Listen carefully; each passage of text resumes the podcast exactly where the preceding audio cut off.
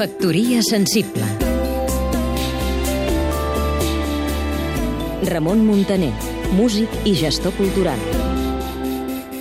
Fa pocs dies, l'Àlex Susana, director de l'Institut Ramon Llull, destacava la força i la vitalitat de la música contemporània catalana i la definia com, probablement, el secret millor guardat de la nostra cultura. I tot això passa malgrat les grans dificultats encara existents per incorporar aquests repertoris al circuit de concerts del país en plena normalitat. No ens sembla lògic, insistia l'Àlex Susana, el gran desconeixement i les poques oportunitats als compositors que es donen en aquest país.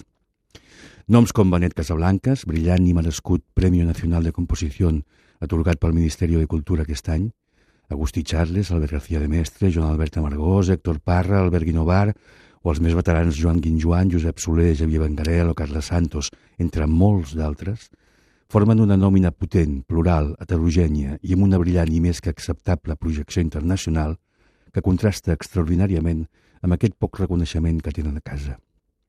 Aquest fenomen que passa especialment en la música contemporània no es dona de cap de les maneres en altres disciplines creatives.